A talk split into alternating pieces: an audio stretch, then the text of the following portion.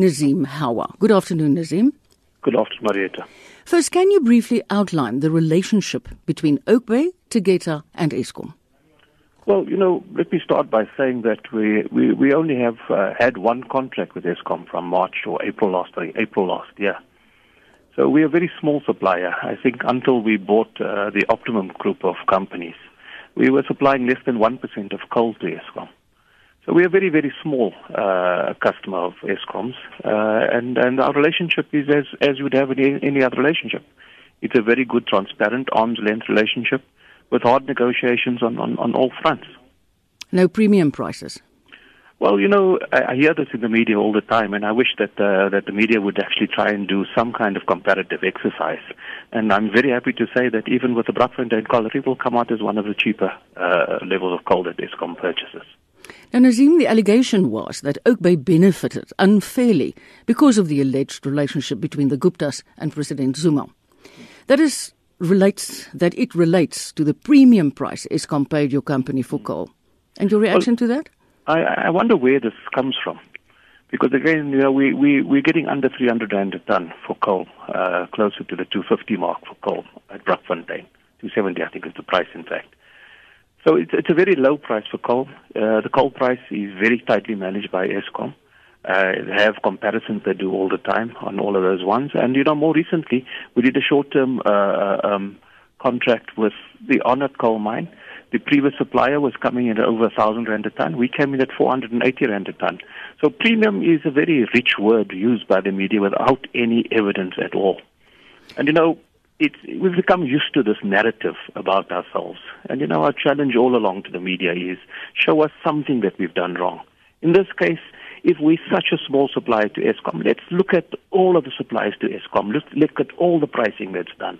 And very happily, we'll stand by our pricing as being one of the most efficient pricing against any other supplier of coal to Eskom.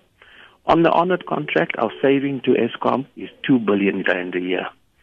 That goes directly to the pockets of ordinary South Africans. So I don't understand how this wild accusation made by unknown people is reported as fact by the media. That being said, the Treasury investigated this and the DA requested the report to be made public. You are reported to be opposed to this. Why? Well, you know, we, we don't like responding in public. I think our engagement with the uh, with the Treasury was to say that there are errors in the report. Give us an opportunity to respond to the errors, and once those errors are corrected, we have no difficulty whatsoever for that report to go public.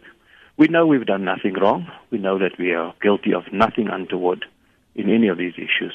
We, we, we run our business on very, very good governance. So it, it's a bit mischievous to say it in that fashion. Would you categorically say that your dealings with Eskom was above board? Absolutely. I stand by that statement any day of the week. So, in that case, it can be made public?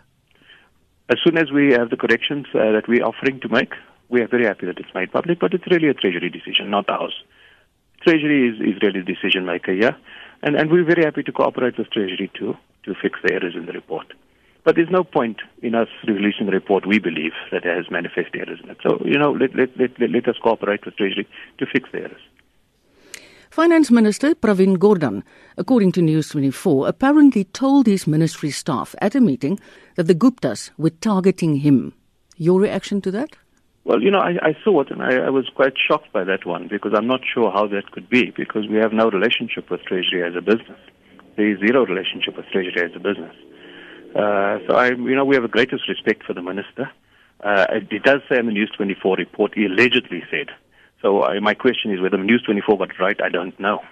Uh, and, you know, certainly I would love to engage with the minister to understand if that's what his view is and to let us get to the bottom of it. What is Oakbay and the Tegeta's relationship with the Treasury?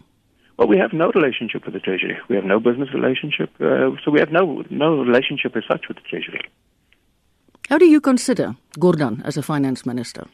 Well, you know, I have the greatest respect for the minister. Uh, I've known him for, for many years from my previous life in my previous company. I've met with him to seek his assistance on, on our banking challenges. I would hope that we have a mutual respect for each other, uh, but I have the greatest respect for the minister. And your reaction about the Hawks investigation? You know, uh, the one position we have very strongly is that we are business people. Uh, we want to be working in an environment that is conducive, conducive to growing jobs. Which is a very important part of our job. So we try and steer clear of politics in every single way. Uh, our business is really about running an efficient, well-run, well-structured business. Thank you very much. Dit was dan die uitvoerende hoof van Oakbay Investments, Nazeem Howa.